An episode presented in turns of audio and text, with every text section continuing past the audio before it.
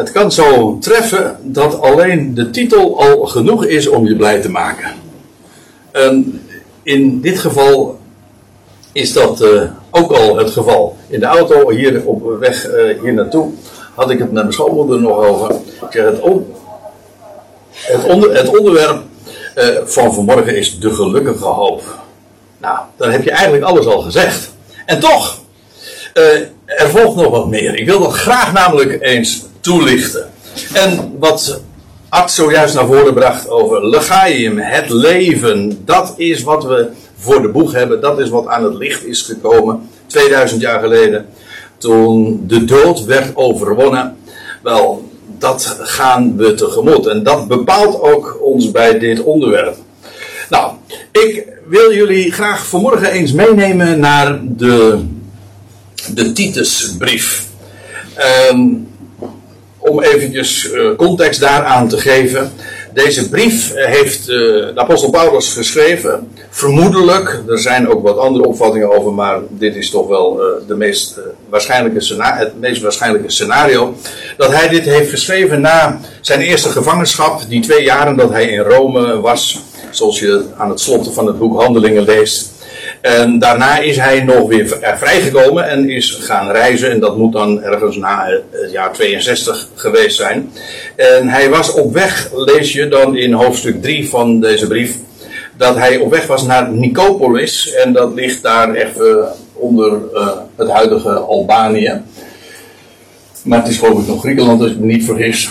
En in elk geval, uh, daar zou hij gaan overwinteren. En hij schrijft deze brief aan wat hij dan noemt zijn kind Titus. En van deze Titus weten we dat hij, dat niet zozeer uit deze brief zelf, als wel uit andere brieven, in dit geval de gelaten brief, dat hij een Griek was, een niet-Jood, ook niet besneden. En Paulus heeft intensief met hem samengewerkt, hoewel we in het boek Handelingen eigenlijk hem nooit tegenkomen. En dat is best wel eigenaardig. In ieder geval, uh, Paulus noemt hem zijn kind omdat hij ook gewoon door hem geestelijk verwekt is. In die zin dat Paulus het evangelie heeft verteld en gepredikt. En door zijn prediking is hij tot nieuw leven, tot geloof uh, gebracht. En vandaar ook dat hij hem uh, zo ook noemt. Een, een, jongere man, net als Timotheus trouwens. Ook een jongere man. En die, die trouwens ook door Paulus zijn kind wordt genoemd. En Paulus had Titus op het eiland Kreta achtergelaten. En dat is niet verkeerd zou je zeggen. Maar in dit geval was dat niet om vakantie te houden. Maar om. Uh, hij moest daar nog een aantal dingen in orde brengen. Die, waar Paulus niet meer aan toegekomen was.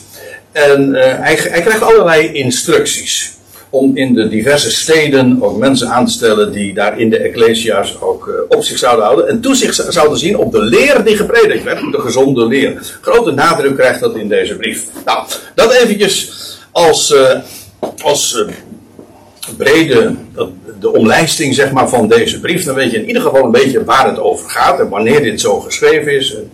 De, de motieven.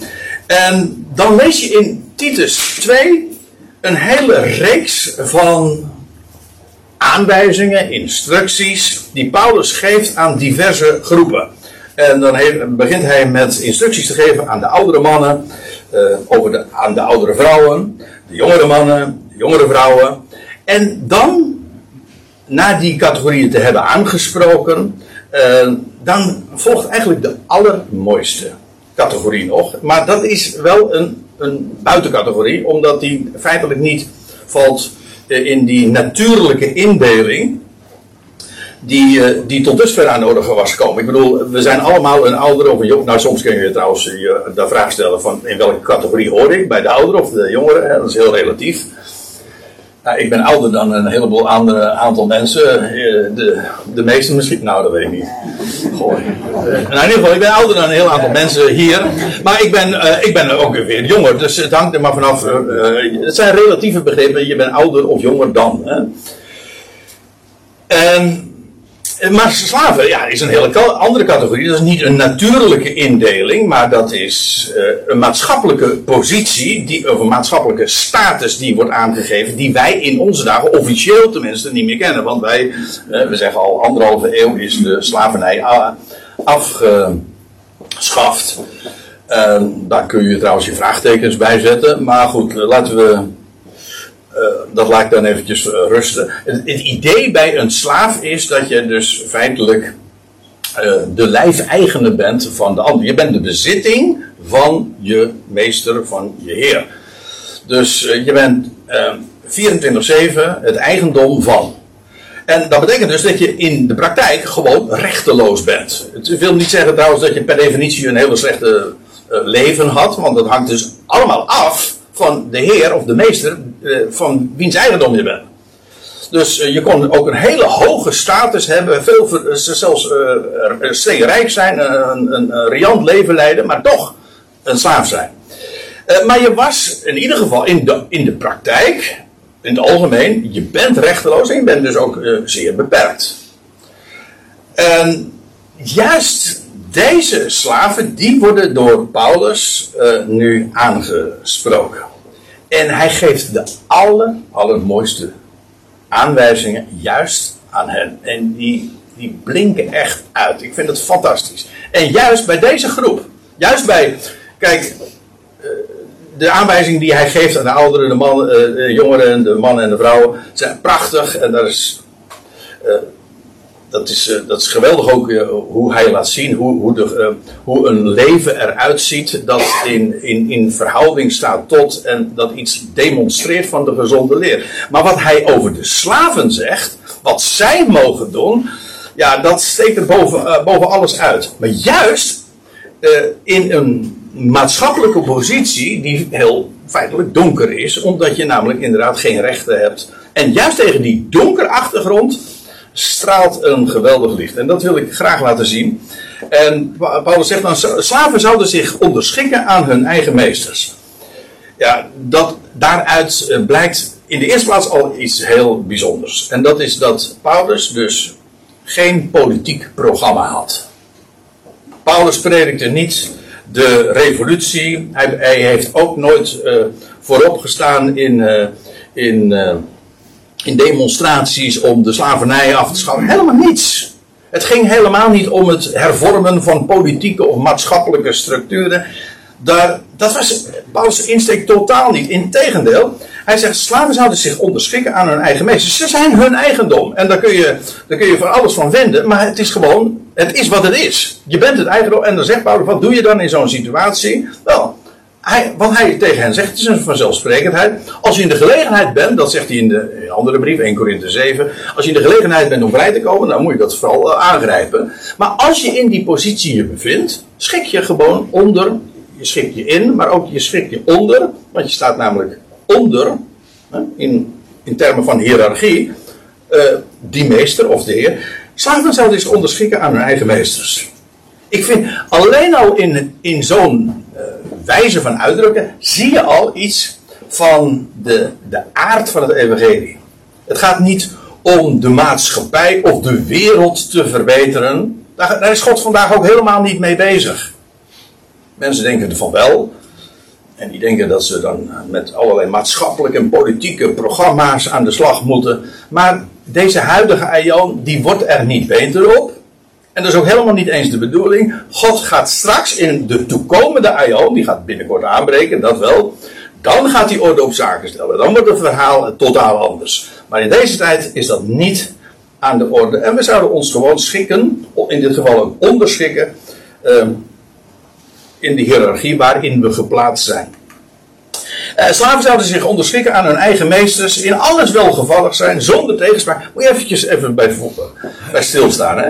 Je, je, bevindt, je bent een rechteloos iemand. En uh, zeker dan als daar misbruik van gemaakt wordt door jouw heer of jouw meester, en die onredelijk is. En om dan je te onderschikken, en om dan het, en alles is. Eh, in, er staat in andere vertalingen alles naar de zin te maken, geloof ik. Ja, de NBG-vertaling zegt het hen naar de zin te maken. Of welgevallig te zijn. Zonder tegenspraak. Moet je je voorstellen, als, je, als er dingen zijn die, die volstrekt uh, buiten de orde zijn en onredelijk zijn. En als een Paulus zegt, schik je nou maar. Maak het, maak het die ander naar de zin. En, en, en hij gaat nog verder. Niet, niet iets ontvreemden. Je zou, je zou namelijk op het standpunt kunnen staan. En zeggen van ja, hoor eens eventjes, die gast of die gast, mijn meester, mijn heer, die, uh, die doet zo onredelijk. Die heeft eigenlijk alles van mij afgepakt. Nou mag ik toch wel even wat terugpakken. En dan niks ontvreemden. Maar in tegendeel, dat is de positieve kant, alle goede trouw betonen. Tja, waarom dan? Hoe dan? Nou, nou komt, nou komt het geheim. Hij geeft uh, deze dingen zeggen. Dit, is toch. Dit doe je dan toch in zulke omstandigheden niet? Hoe, hoe kun je zo on, onderschikken? Kijk, je onderschikken is één ding in, in een bepaalde situatie. En, en zeggen van nou ja, het is niet anders. Maar dat je met zo'n lang gezicht rondloopt en dat je eigenlijk. Er, nee, Paulus zegt. Maak het nou zo dat je de, de, jouw heer, jouw meester, of meesteres, of wie dan ook boven je staat, maak het hem, haar naar de zin. En goede trouw betonen. En dan zegt hij, en nou komt hij. Want ik vind hem, ja, u hebt hem wellicht uh, veel vaker van mij gehoord, maar ik vind deze in 1 Titus 2 vers 10 zo uitnemend, zo geweldig. Opdat zij, en dit is de clue. Als je, zeg maar, punt zou zetten achter wat ik nu tot dusver gezegd heb, dan begrijp je het niet. Dat is, dat is, uh, dan, dan begrijp je ook totaal niet waar de Paulus om te doen is. Het gaat niet om bepaalde morele instructies. Ga nou uiterst je, best, je uiterste best doen om dit en dat te doen. En dat dan het onmogelijke van je gevraagd wordt. Nee, Paulus zegt, ik zeg deze dingen. Waarom? Omdat jullie bij uitstek, juist om, vanwege die maatschappelijk duistere achtergrond, rechteloos, zo, zo beperkt. Juist jullie zijn in de gelegenheid om de leer van God, onze redder, te versieren in alles. En ja, hier moet je, hier moeten we even uh, halt houden. Want eerst even dit. De leer van God, onze redder, te versieren. Eh, ik weet dat een heleboel mensen die, die hebben het niet op de leer. En ik begrijp dat ook heel goed, omdat de meeste mensen bij leer. Ja, niet aan je schoenen bedoel ik. Uh, maar bij leer denken aan de leer, de kerkleer. Nou, daar word ik niet. Daar word ik. Ja, sorry. Uh, ik, wil niet op, op tenen trappen of zo. Maar daar word ik niet. Bij orthodoxie word ik niet blij. Dat is, zeg ook als leer is taai. Ja, echt wel. Maar de leer. De leer. Het gaat juist om de leer. Het is heel opmerkelijk, moet je erover opletten, om de leer van God onze redder te versieren in alles. Het, het, het idee is dus niet. Heel veel mensen zeggen, ja, de leer is eigenlijk alleen maar het instructieboekje, omdat het om de praktijk gaat. Het gaat om de praktijk en de leer is alleen maar de theorie, zoals je dat met een theorie-examen hebt, van, met autorijden bijvoorbeeld. Die theorie is alleen maar noodzakelijk om goed in de praktijk te kunnen functioneren. Paulus keert het precies om. Het gaat om de leer.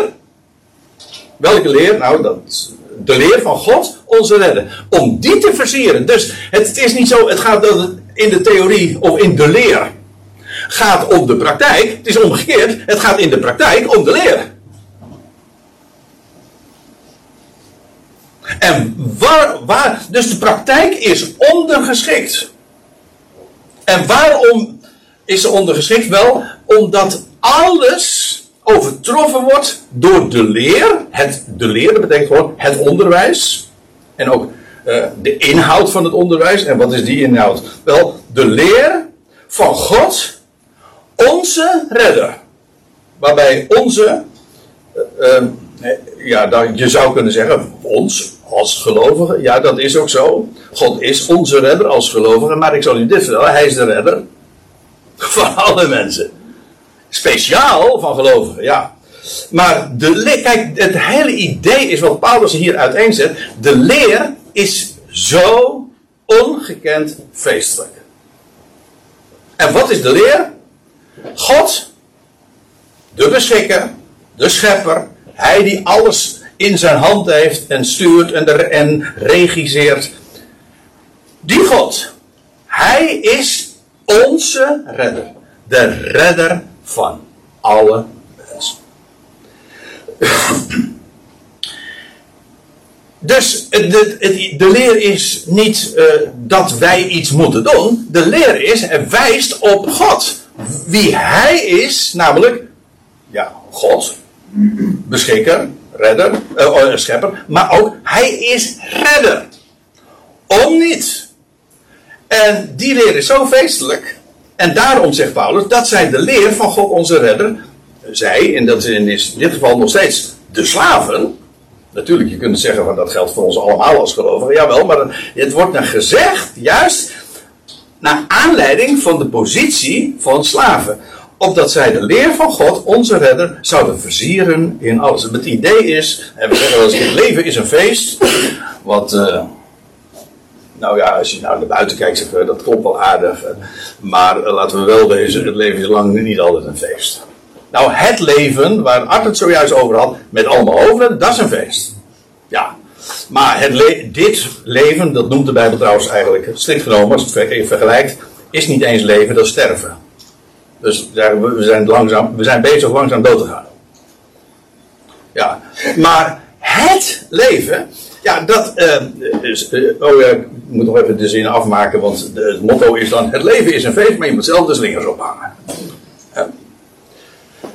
Nou, daar kun je eh, alles van vinden, maar het idee hier is: het, het de leer, namelijk van God onze redder, die is zo feestelijk, die verdient inderdaad versierd te worden. En wat is de versiering? Wel dat we juist in omstandigheden waarin we rechteloos zijn, beperkt zijn, waarbij je, ja, je armen zijn tekort, je, je kunt zo weinig, maar juist in die omstandigheden kan je, kan de, en zal de leer van God onze redder juist schitteren en stralen, wanneer je, zoals die slaven hier, uh, in die omstandigheden. En het is, goh, als je naar de mensen roept, zegt, goh, wat, hoe, is jouw bestaan? Dan zegt, nou, het is, uh, uh, nou, het moet netjes blijven. Uh, een tranen dan. Oké. Het leven is, nou, kom maar op. Nou ja, nee, ik, ik, ik, ik hoor nu eigenlijk al dat sommige mensen zich nu inhouden. U, u, begrijpt wat ik nu wil zeggen is, ja, juist in omstandigheden die helemaal geen, aanleiding, die helemaal geen aanleiding geven om je te verblijden, juist dan kan je laten zien hoe geweldig en overtreffend de leer van God onze redder is. Want wat dacht u wat? Als zo'n slaaf, juist bij een hele onredelijke uh, meester, uh, en in een moeilijke, zware omstandigheden, als die dan inderdaad zich zo opstelt nou, hoe, hoe kan dit? Wel, zo'n zo'n slaaf, als hij al, eh, normaal gesproken, eh, er wordt ook niet eens tegen die slaaf gezegd dat hij iets zou vertellen. Meestal wordt helemaal niet eens gevraagd naar de mening van zo'n slaaf. Maar dat zijn leven gewoon één ode is, één sieraad is. Uh, wat de leer van God onze redder vermag. Hoe geweldig rijk dat is. En zelfs in die omstandigheden kun je je verblijden. En kan je iets laten zien. God houdt jij, sorry dat ik het zeg, kreng van een vent. God houdt van jou. God is jouw redder. Dat wil ik je graag laten zien.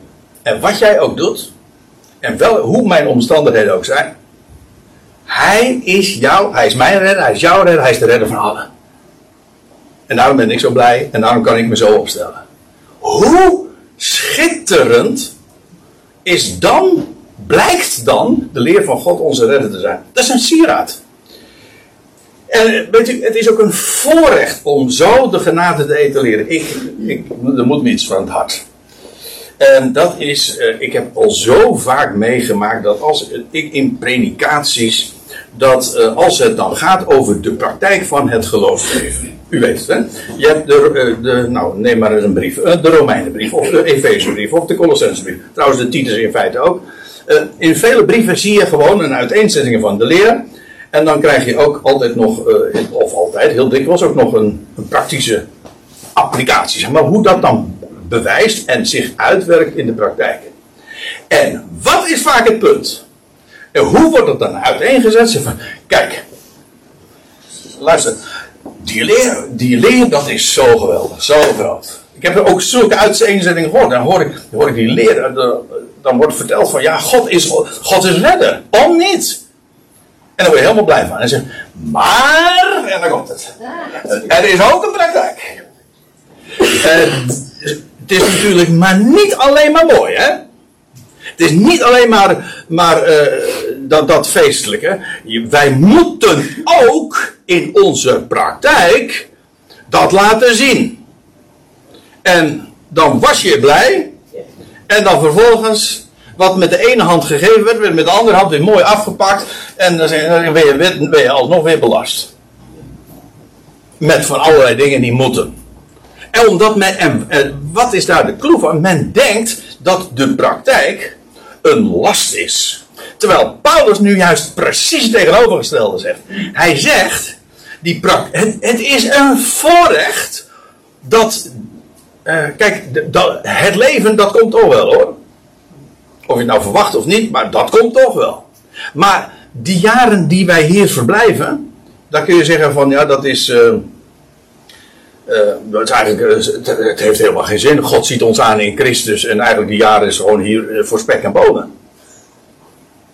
Nee, die jaren die we hier nog hebben, in dit bestaan, inderdaad, dat is dikwijls een tranendal.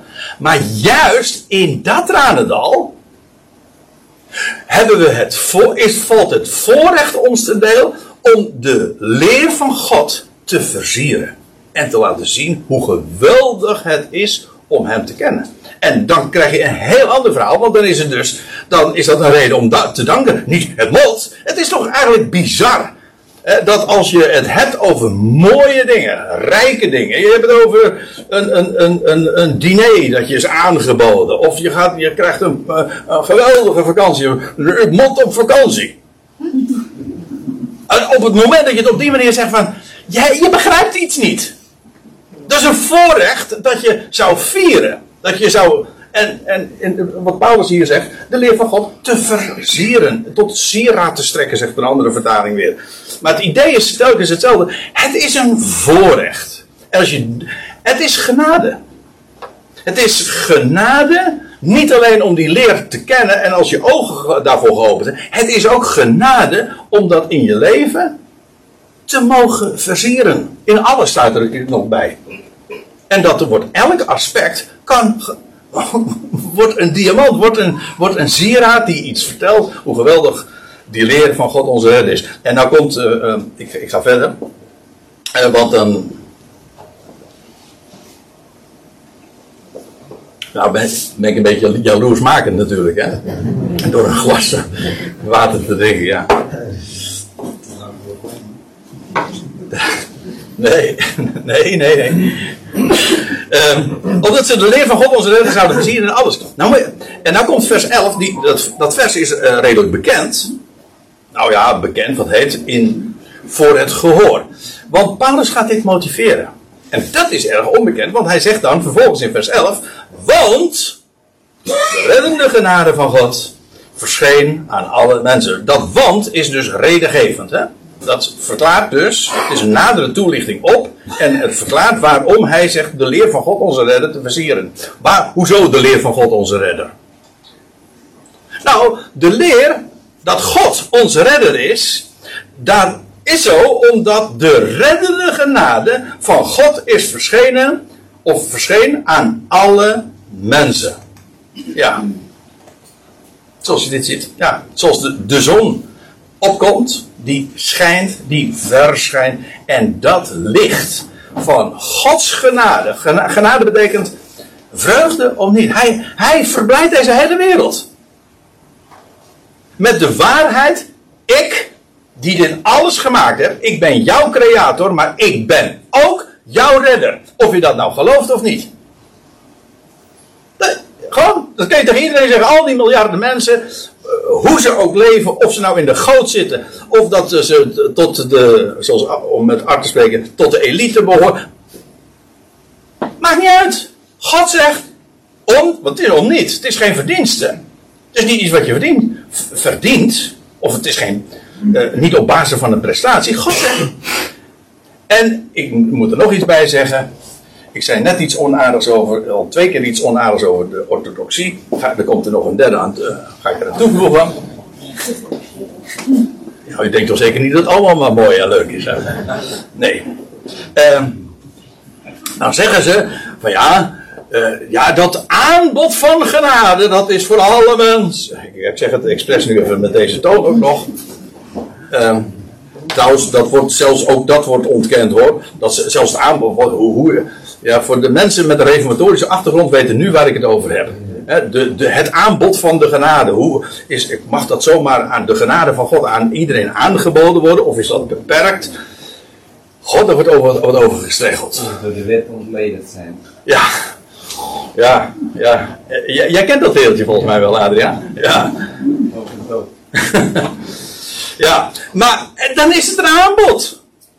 En Men gaat, en dan in feite de, de, het paneel dat, schu- dat, dat schuift. eh, Dat wil zeggen, er, er, zijn, er zijn verschillende eh, keuzemogelijkheden. Wat men zegt, hoe, hoe breed is dat aanbod van de genade? En voor sommigen is dat heel breed. En, en bij anderen is het heel smal.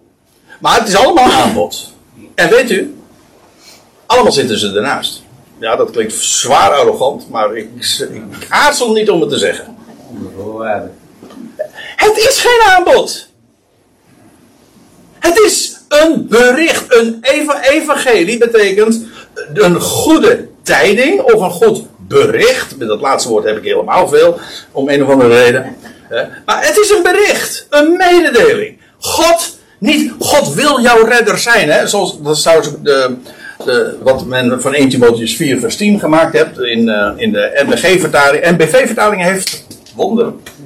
eh, heeft het goed. eh, die heeft eh, inderdaad. Trouwens, de Statenvertaling ook. Een behouder aller mensen. NBV-vertaling zegt ook. eh, die een eh, redder is van alle mensen. De NBG-vertaling die zegt. Die een redder is voor alle mensen. Heb je het weer, dat aanbod. Het is voor alle mensen. Je hoeft het alleen maar aan te nemen. Nou, dat is dus geen evangelie. Ik durf echt te zeggen, op het moment dat je nog denkt in termen van aanbod, dat betekent namelijk dat er altijd nog een voorwaarde is dat jij het aan moet nemen.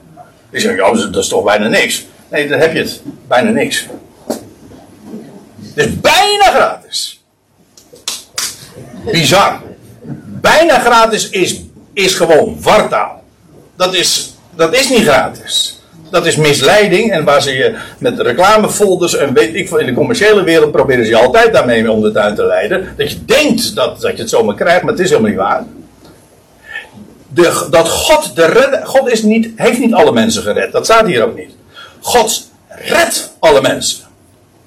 Dat wil zeggen, hij zal op zijn tijd en wijze alle mensen redden. En, en hij zelf vervult de voorwaarden. Dat zeggen, dus, eh, de Bijbel zegt toch door geloof? Jawel, door geloof. En hij, en hij opent harten, hij opent oren, hij opent eh, ogen. En hij maakt dat we tot die herkenning komen. Dus alles is genade. God is de redder van alle mensen. Alsjeblieft. Dit was het brandpunt. Dat was ook weer goedenavond. Ja, gisteren, had, gisteren hadden, had ik een gesprek met iemand en dat, dat ging er zo over. Zo, eh, het is een mededeling. Weet je wel wat, een, wat in de nieuwsrubriek? Dit is wat het is. En of je het nou gelooft. Dat, wat, wat maakt het uit? Nou, het maakt heel veel uit in die zin. Op want op het moment dat je het gelooft, ja, dan gaat het zijn werk doen natuurlijk. Als je het niet gelooft, ja, dan, dan zeg je van ja, dan neem je ter kennisgeving aan. Maar het rendement ervan zul je nooit beleven. Dat is waar. Maar de mededeling staat. Hij is jouw, jouw, jouw redder. En ongeacht wie. En het is een mededeling. En het is voor alle mensen. Hij redt alle mensen. Op zijn tijd, op zijn wijze. Laat dat maar aan hem over. En ja, je bent natuurlijk zeer, zeer. Je valt echt in de prijzen. Eh, Het is, het, het, valt- Paulus spreekt ook over een lotsdeel. Het, het, het is gewoon een lot uit de loterij als je het nu al mag kennen. Eh, Ook dat is, het valt je toe. De reddende genade van God is verschenen aan alle mensen. Dat. Ik ken geen boodschap. Dat ben ik. Ik ben inmiddels 62 jaar en ik heb in de godsdiensten, ook in de christelijke godsdienstige wereld, heb ik heel goed gekeken. Ik, maar dit hoor je nooit. Of dit wordt allerwegen ontkend. Maar dit is zo onovertroffen. Weet je waarom? Het vraagt van mij niks. Ik kan hier niks aan stuk, eh, eh, aan stuk maken. Het is gewoon, het is wat het is. Het is de mededeling. Zo groot, zo rijk. En dat maakt juist ook zo enorm blij. Het is de genade van, de reddende genade van God die verscheen aan alle mensen. Ons opvoedend. Ja, en ons, hier nu, wordt het inderdaad, eh, dat, dat geldt degene die het inderdaad accepteert. Dat wil zeggen, degene die het mag erkennen. Hè? Dus is, er staat trouwens een heel mooi woord. Eh, een woord wat, waar ons woord pedagogiek en pedagoog van afgeleid is. En vandaar ook opvoedend. Eh, Gods genade voedt op. Kijk, je leest in, eh, in Galaten 3 over de wet, die ook een pedagoog was. Hè. Gedurende vanaf de Sinai tot Christus was de wet gesteld ook tot pedagoog. Ja, maar voor ons is niet de wet een pedagoog. Trouwens, Paulus zegt er trouwens ook op andere plaatsen dan weer bij van ja, maar die wet had eigenlijk alleen maar de bedoeling dat de zonde meer zou worden. Dat is trouwens ook erg onorthodox wat ik nou zeg, maar het is echt zo. Maar de wet prikkelt namelijk tot zonde. Maar genade voedt op. Genade vertelt wie hij is. Niet wat jij moet doen, wie hij is en wat hij bij machten is te doen. Nu, straks, ook in ons leven, daar denk je altijd te klein over. Want weet u, het is echt zo, op het moment dat je het hebt over de vraag van, ja, wat kan ik nou voor hem doen, dan zit je al in de verkeerde modus. Dat valt altijd tegen. Ja, nou, wie ben ik nou? Ken je mij? Ken je mijn zwakheden? Ken je mijn achtergrond? Weet je mijn beperkingen? Nou, jij hebt makkelijk leuteren. Uh, dat soort, dat, dan krijg je dat soort gesprekken weer naar de mens getrokken. Daar gaat het niet om. Het gaat er niet om wat, wat ik kan, of wat ik juist niet kan. Het gaat erom wat hij bij macht is te doen. En weet u wat het leuke is? Op het moment dat je die vraag stelt, wat is hij bij macht te doen? Daar denk je altijd te klein van. Dat valt nooit tegen. Hij is altijd zoveel meer bij machten te doen dan ik. Ik citeer Efeze 3, dan we bidden of beseffen. Oneindig, staat zelfs nog bij, oneindig veel meer. Genade voet op. Ja, dat is eigenlijk ook heel logisch. Als je, zo, als je iets hoort wat je zo blij maakt, dat verandert je van binnenuit, want dat, maakt je, dat hervormt je denken. En dat is een krachtbron in zichzelf. Ons opvoeden, daar staat erbij. Dat we de oneerbiedigheid, in de MBG-vertaling staat de goddeloosheid. En daar komt het in de praktijk wel op neer. Maar letterlijk staat een woord dat zoiets betekent als de oneerbiedigheid en ook de wereldlijke begeerte verlogenen.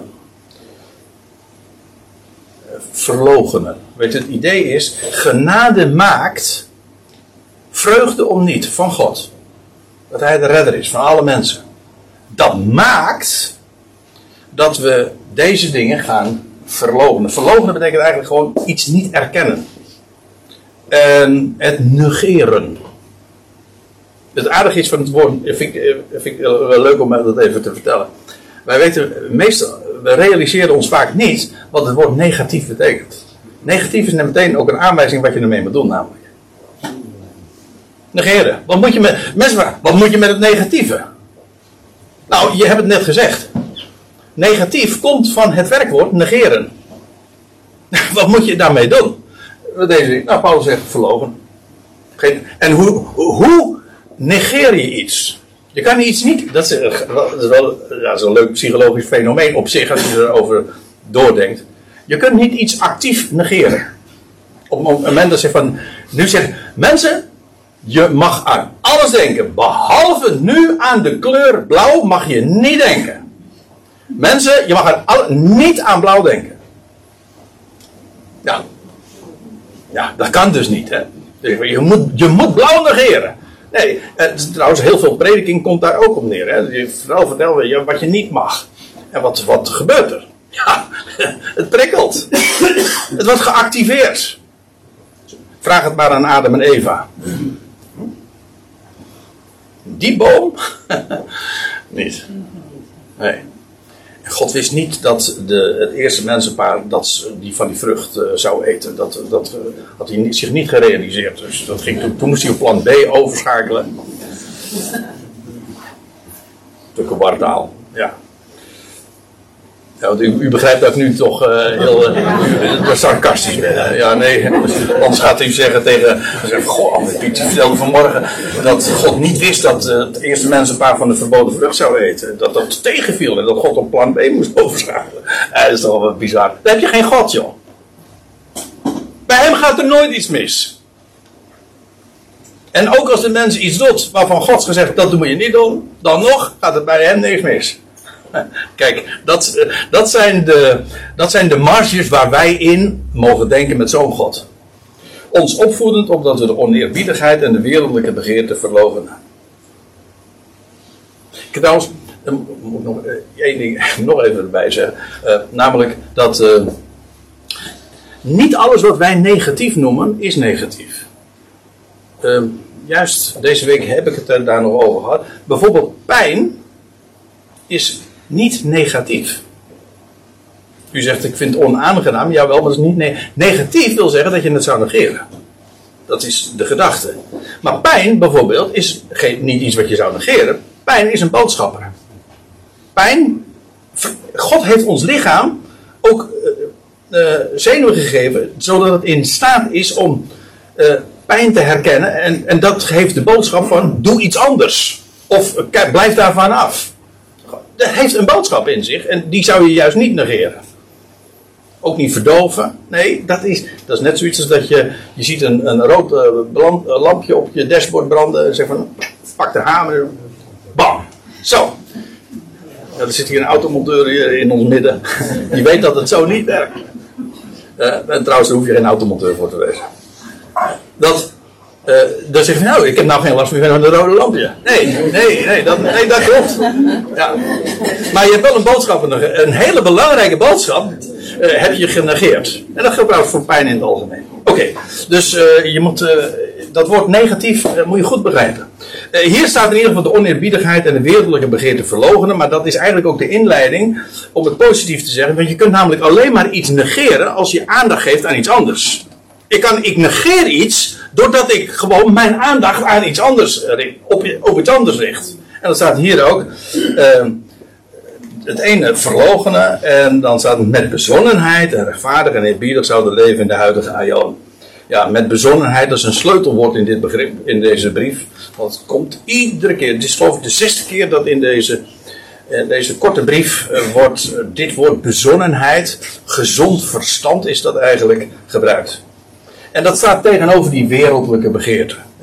De, niet de begeerte op zich zijn ze verkeerd, daar gaat het niet om. Het gaat om in de wereld, zegt men, je moet je begeerte volgen, je gevoel. Vooral, dus, dus vandaag ook de prediking. Gewoon, je bent trouwens, mensen zeggen, je bent een dier en je moet gewoon doen wat je voelt. Nou, nou, de Bijbel zegt, wij zijn een mens en we hebben verstand gekregen. En gebruik dat gewoon. Gebruik je verstand, gezond verstand, bezonnen.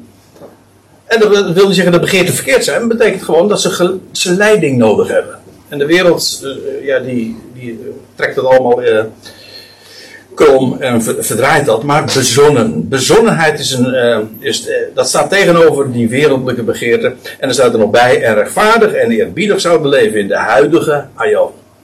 Huidige eeuw, en we geven eigenlijk de huidige wereld, dat is letterlijk de huidige aion. Het wereldtijdwerk dat, dat boos is. Ja. Maar te midden van die wereld, hè, dat we rechtvaardig, dat wil zeggen gelovig. Geloof, God rekent geloof tot rechtvaardigheid. En eerbiedig, dat wil zeggen hem in de vrezen van hem. De ontzag voor God die God is. Dat we zo zouden leven. En dit staat dan weer tegenover uh, die oneerbiedigheid die in de wereld heerst. Terwijl en ook, ja, ik heb altijd, uh, ik ben een spreker met een lange aanloop. Want nou pas kom ik bij mijn thema, de gelukkige hoop. Maar ik ben wel blij dat ik die eerste versen erbij betrokken heb. Dat staat, terwijl we uitzien, dat woord is wel leuk. Ik zag in het Grieks, dat betekent letterlijk zoiets als in zijn elementen opsplitst, naartoe ontvangen. Dat wil zeggen, het idee is, je, je, je, je, je gaat ergens naartoe uh, en je bent bereid, of, of uh, je gaat iets ontvangen. En we hebben er eigenlijk een heel goed woord voor, en dat is anticiperen. Je weet dat iets gaat komen en je gaat iets ontvangen en je bereidt je daarop voor. Oftewel, je ziet er naar uit. Ik heb helemaal geen enkele moeite met dat woord. Uitziende, of terwijl we uitzien naar de gelukkige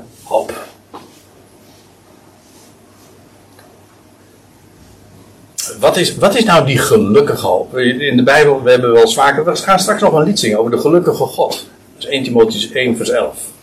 Maar nu ook de gelukkige hoop. Wij hebben een hoop, hoop, ja, dat kun je ook zeggen. Wij hebben, hebben een hoop, een verwachting, die zo gelukkig is. Ze kun je trouwens op twee manieren opvatten. En allebei uh, ze, kloppen ze nog ook. Dus ik, het, is, het is dubbelzinnig. Het is niet alleen zinnig, het is dubbelzinnig. Hè? Want het is namelijk objectief. De inhoud van wat wij hopen is gelukkig. Dat waar we naar uitzien als, we, als je realiseert wat, wat God nog in petto heeft met ons, Israël, met de wereld, met de volkerenwereld, met deze hele schepping. Dat is mindblowing. Dat is onvoorstelbaar. We hebben geen, ik ben ervan overtuigd, we hebben nog geen promil besef van wat God voornemens is te geven. Die heerlijkheid. Nou, dat is de gelukkige hoop. Gewoon, dus objectief. Die hoop is inhoudelijk zo gelukkig. Maar het is ook subjectief. En eh, ook ik hou daarvan. Ik hou ervan om er op die manier ook tegenaan te kijken. Het is namelijk ook. Die, juist omdat je die hoop hebt, maakt het ons nu reeds gelukkig. Dus het is niet alleen maar die, uh, dat het uh, uitziet op, op de inhoud van de, van de toekomst, maar het is ook dat wat die hoop nu al uitwerkt in ons leven. Het, als je zo'n uitzicht hebt, ja, dan maakt dat nu reeds gelukkig. Dat, het sluit alle vrezen buiten. we zeggen, het is zo'n liefde. We zingen hem niet, maar we hadden hem kunnen zingen. het is een gezang. Die hoop moet al ons leed verzachten. Zo is een gezang. Dat denk ik zo. Nee. Dat is toch. Dan is toch gezang. Ja, ik ben heel erg geweest. Ik, heb gisteravond nog, uh, volgens mij is gezang 214, als ik. Wacht maar. Komt reisgenoten, heft uh, het hoofd omhoog. Voor hen die het heil heren wachten, zijn bergen vlak en zeeën droog. Zo is die. De schipsalm. Uh, maar door, ik zal het zo zeggen. Oké, hij gaat me straks gelijk geven.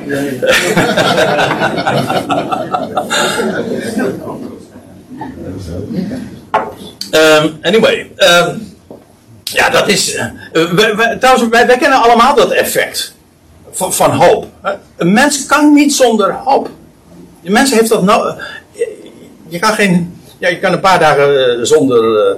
Zonder water, nou weet ik eigenlijk niet eens. Of zonder eten in ieder geval wel. Maar zonder hoop kun je niet. En we zeggen ook, hoop doet leven. We hebben een levende hoop. Ja, dat is, uh, ook dat is heel dubbelzinnig. Maar het doet ook leven. Nou, ja, dat is toch geweldig. Terwijl we uitzien hè, naar de gelukkige hoop.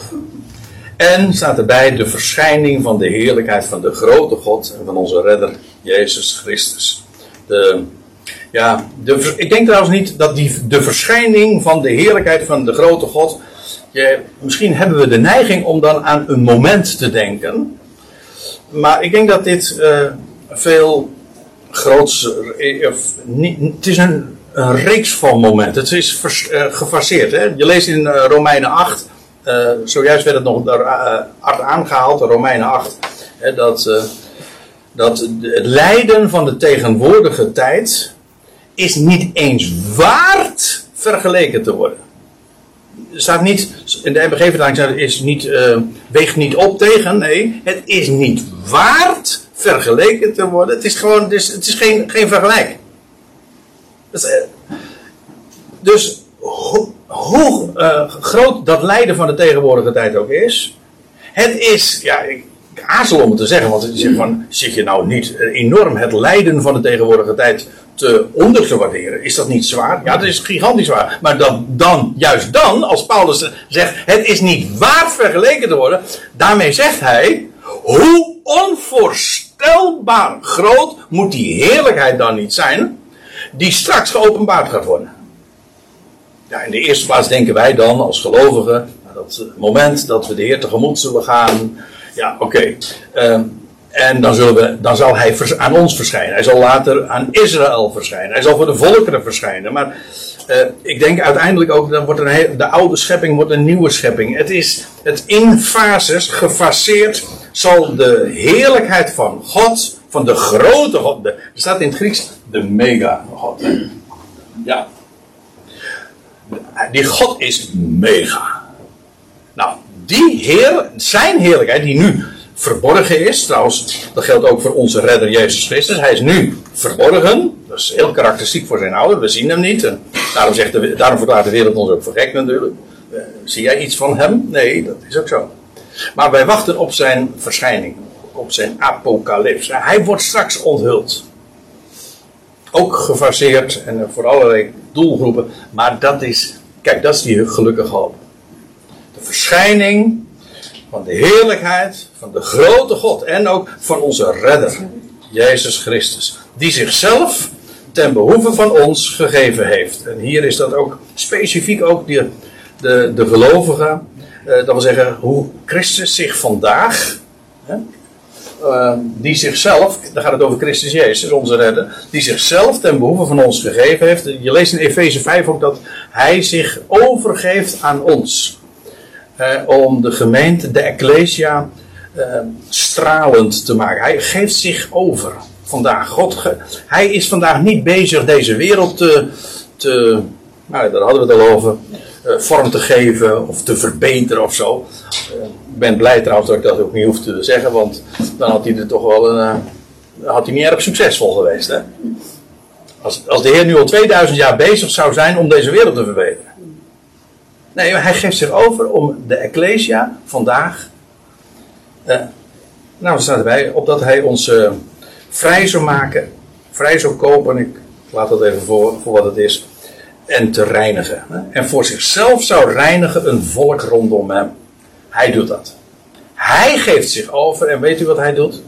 In de praktijk. Hij geeft zijn woord. Hij geeft zijn woord. Hij spreekt. En weet u wat geweldig van dat woord is? Dat woord zegt niet van, jij moet dit, jij moet dat, jij moet dat. Of onmogelijke eisen stellen. Zijn woord zegt, weet je wie ik ben? Heb je er wel eens aan gedacht hoe groot ik ben en wat ik voornemens ben? En hoe onvoorwaardelijk die heerlijkheid is. Hij wijst op zichzelf. En dan ga je, ja, wat ga je dan doen? Dan ga je opzien naar boven. Dus hij, zo reinigt hij hoor. Dat lees je ook in Efeze 5. Hij reinigt, hij geeft zich over aan de Ecclesia. En hij zegt door het waterbad van het woord. Door zijn spreken, door zijn uitspraken. Door dat wat hij ons toezegt en belooft. Hervormt hij ons denken. En zo doet hij ons ook stralen. Ook dat is zijn werk. Hè? Het is, kijk maar eens uh, in dit vers. Die zichzelf nou, laat ik even helemaal lezen. De heerlijkheid van onze redder Jezus Christus, die zichzelf ten behoeve van ons gegeven heeft. Dat is verleden tijd. Dus. Dat heeft hij al gedaan. Dat is ook wat de situatie nu is. Opdat hij ons zou vrijkopen van alle wetteloosheid. En voor zichzelf zou reinigen een volk rondom hem. Dat doet hij dus. Dat doet hij zelf. En hij doet het ook voor zichzelf. Opdat wij zouden zijn voor hem. En, uh, en dan staat erbij, en daar eindig ik ook mee een ijveraar van voortreffelijke werken. Uh, vol, en de vertaling zegt volijverig in goede werken. Letterlijk staat er een, een ijver. Het Griekse woord celoot betekent eigenlijk kokend. Kokend van goede werken. Dat, is, dat woord, om even bij dat beeld te blijven van het water, wel dat, dat doet ons. Het verwarmt. Het is een, een beetje een rare beeldspraak nu als het 30 graden is, maar. uh, maar het, het, het woord verwarmt ons, het verlicht ons en het maakt ons ook. Uh, het, het, het, het, zet ook aan. Het is namelijk zo een geweldig voorrecht om zo elke dag te mogen leven. En die voortreffelijke werken, dat is niet je best doen om, om maar de schone schijn op te houden voor de wereld. Kijk, kijk ons eens eventjes. Uh, hè? Nee. Maar dat is heb je je wel eens gerealiseerd hoe geweldig hij is en wat hij bemacht is te doen. En dan ga je de leer. Ja, in feite, die voortreffelijke werk hier is ook niks anders dan de leer van God, onze redder, te versieren in alles. Is dat een voorrecht of niet? Om zo te mogen leven. Gewoon elke dag. En juist, ik, ik, ik herhaal wat ik, dat is het laatste. Ik herhaal waar ik mee begon. Juist in omstandigheden die daar geen aanleiding voor geven. En als het allemaal moeilijk en donker is, juist dan gaat dit licht des te helderder en rijker en grootser en heerlijker stralen. Amen.